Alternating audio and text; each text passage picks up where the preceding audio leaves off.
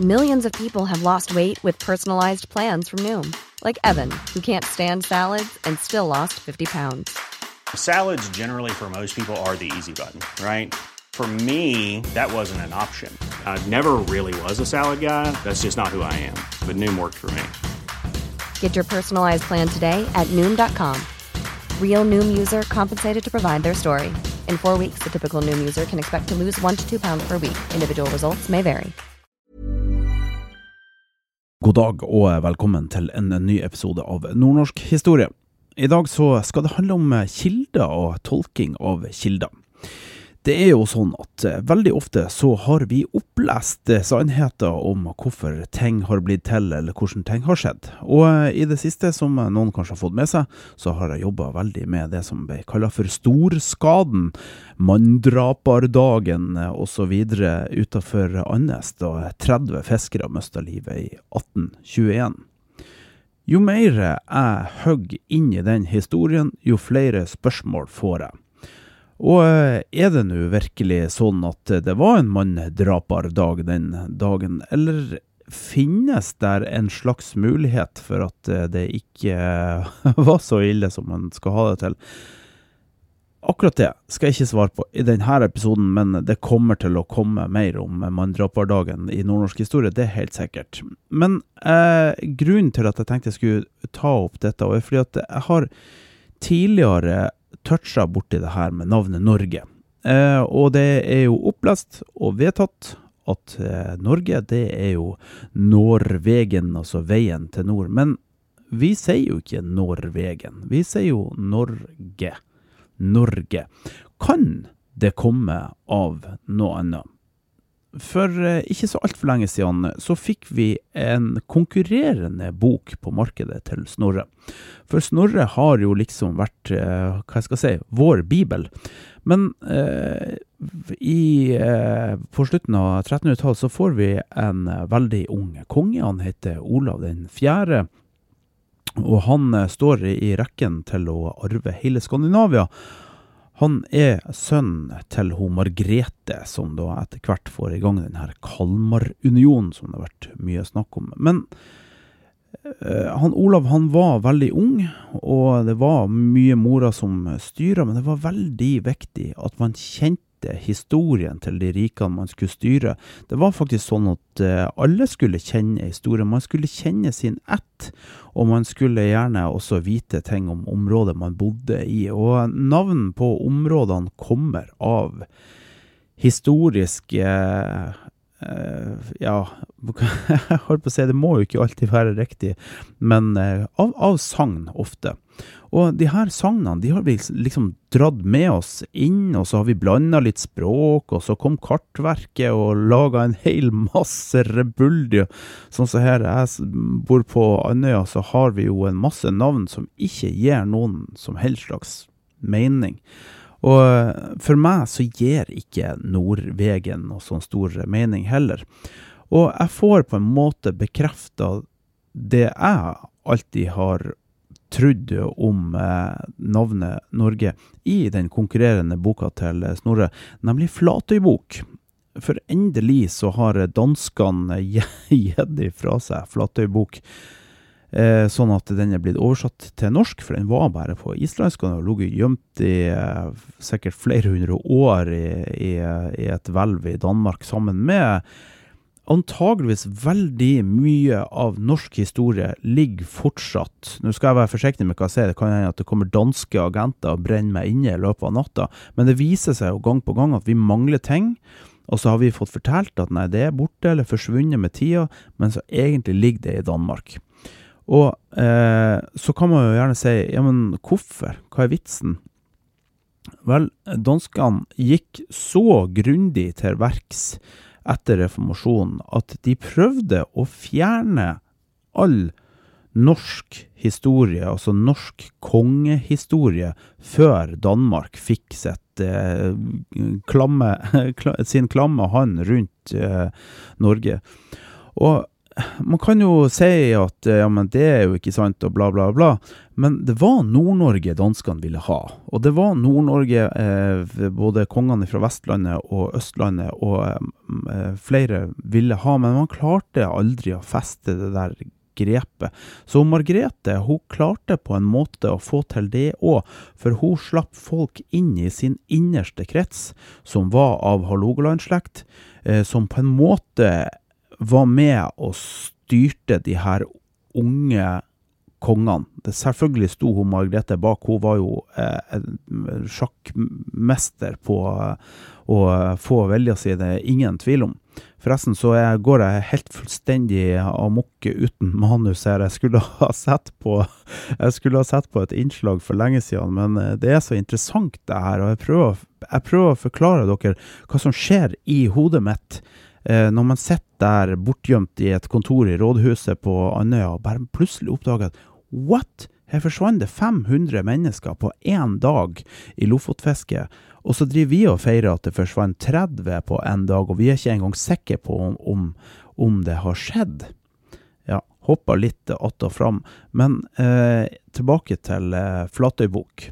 Vi skal nå få høre, for jeg hadde egentlig tenkt at jeg skulle begynne å lese en Flatøybukk. Eh, for det kan være greit å ha det i, sånn at det går an å, å høre på. Men eh, jeg oppdaga veldig fort at Flatøybukk er utrolig farga av tida den ble skrevet i. Og den ble jo skrevet på 1300-tallet. Og kristendommen er altså så knallhard og knallesterk at, at den farger alt.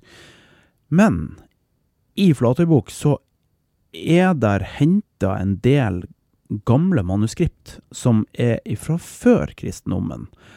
Og der er et manuskript som heter 'Hvordan ble Norge til?'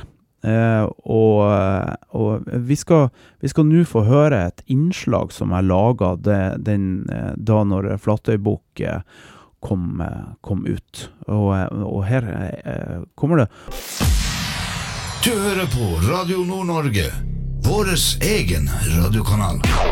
Hei, det er han Bilal. Du hører nå på Radio Nord-Norge. Av og til så begynner vi å tenke på forskjellige ting som omgir oss, og særlig ord. Hvor kommer egentlig ordene ifra?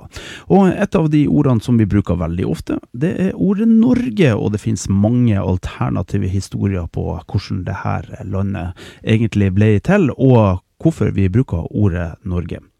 Hvis jeg sier til deg at det egentlig kommer av en kvensk konge som var den første kongen i hele Norge, eh, ja, da eh, kan jeg faktisk eh, finne noen bevis for at vi skal ta en liten tur inn i Flatøybok, som nettopp har kommet ut på norsk. Og i den så finner vi en gjengivelse av Orkenøy-sagaen, og der, på side 103, får vi lese historien om kong Nord.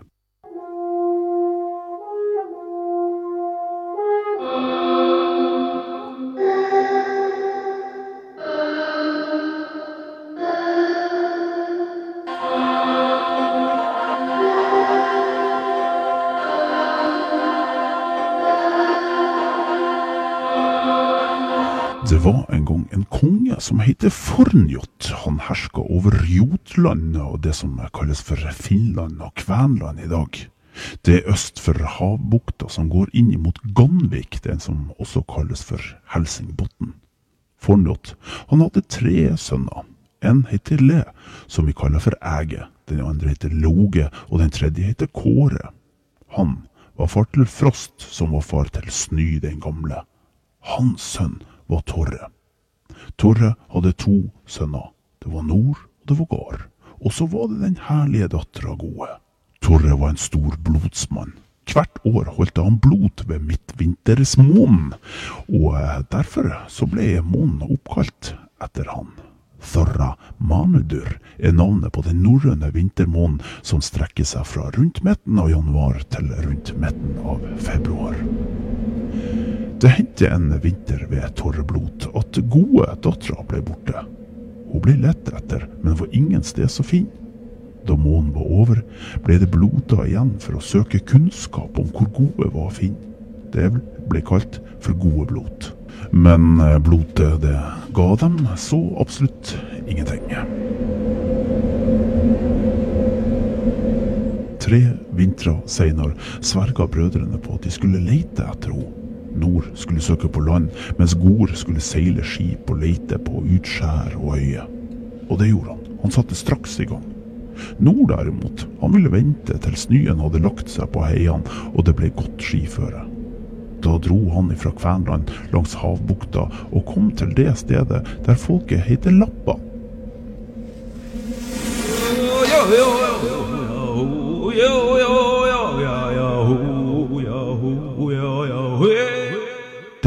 ble også kalt for Finnmark. Lappene ville nekte dem gjennomreise, og det kom til kamp. Nord og følget hans brukte mektige krefter og trolldomskunster. Lappene gikk ifra vettet da de hørte krigsropene, og da de så våpnene deres, la de på flukt. Nord dro herifra og vestover kjølen. De var lenge borte, uten kontakt med andre mennesker, og de jakta på dyr og fugler til mat.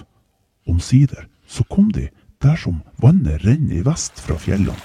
De fulgte elva til sjøen, til de kom til en stor, stor fjord som var som en havbukt. Der var det store bygder, og store daler åpna seg opp ifra fjordene.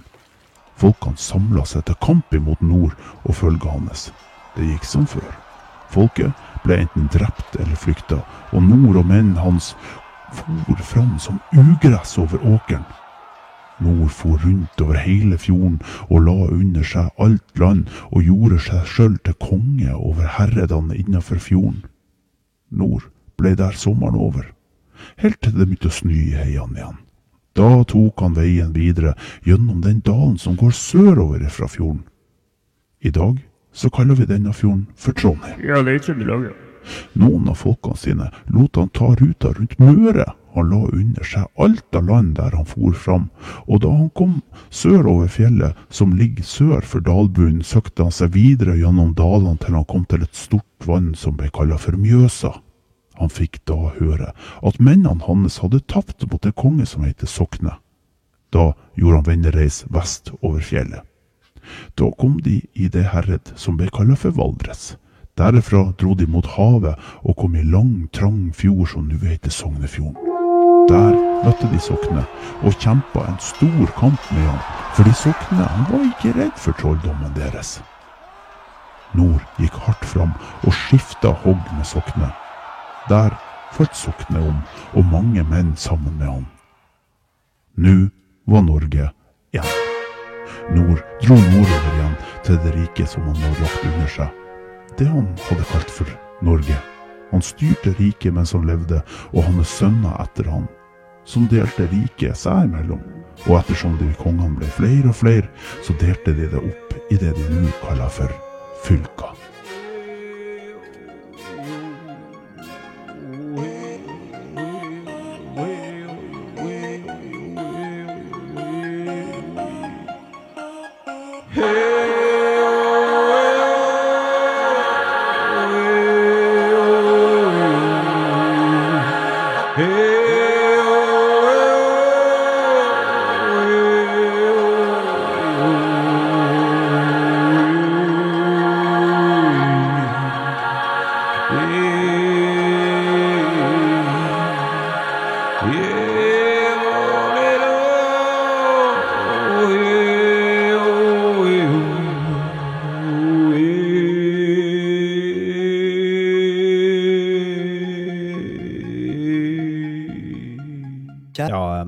Prøvde meg på eh, litt eh, musikklagen der.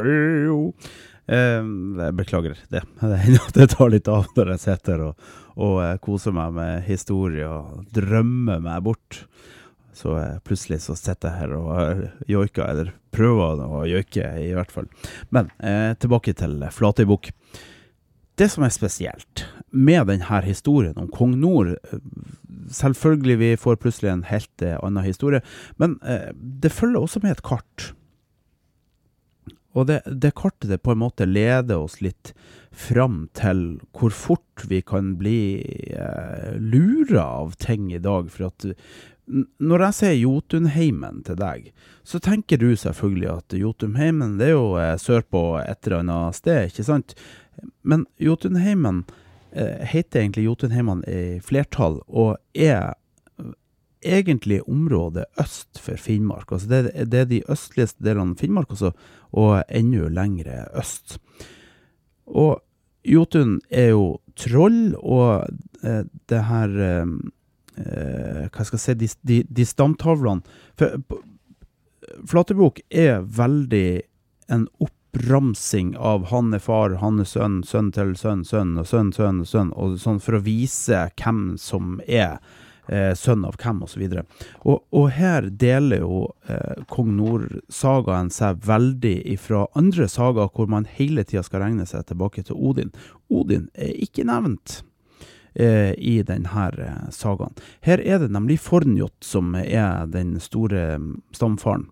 Jeg tror at begge to har selvfølgelig eksistert, det er det jo ingen tvil om. Han Fornjot, han er da altså, jeg skal se, far, bestefar, oldefar, tipp-tipp-oldefar til han kong Nord. Så skal han liksom være menneskets opprinnelse. Men eh, de her stamtavlene ble veldig ofte lista opp for å vise at eh, de som var konger, var halvt Jotun og halvt konge. Eh, og, og det skal liksom den her eh, vise også.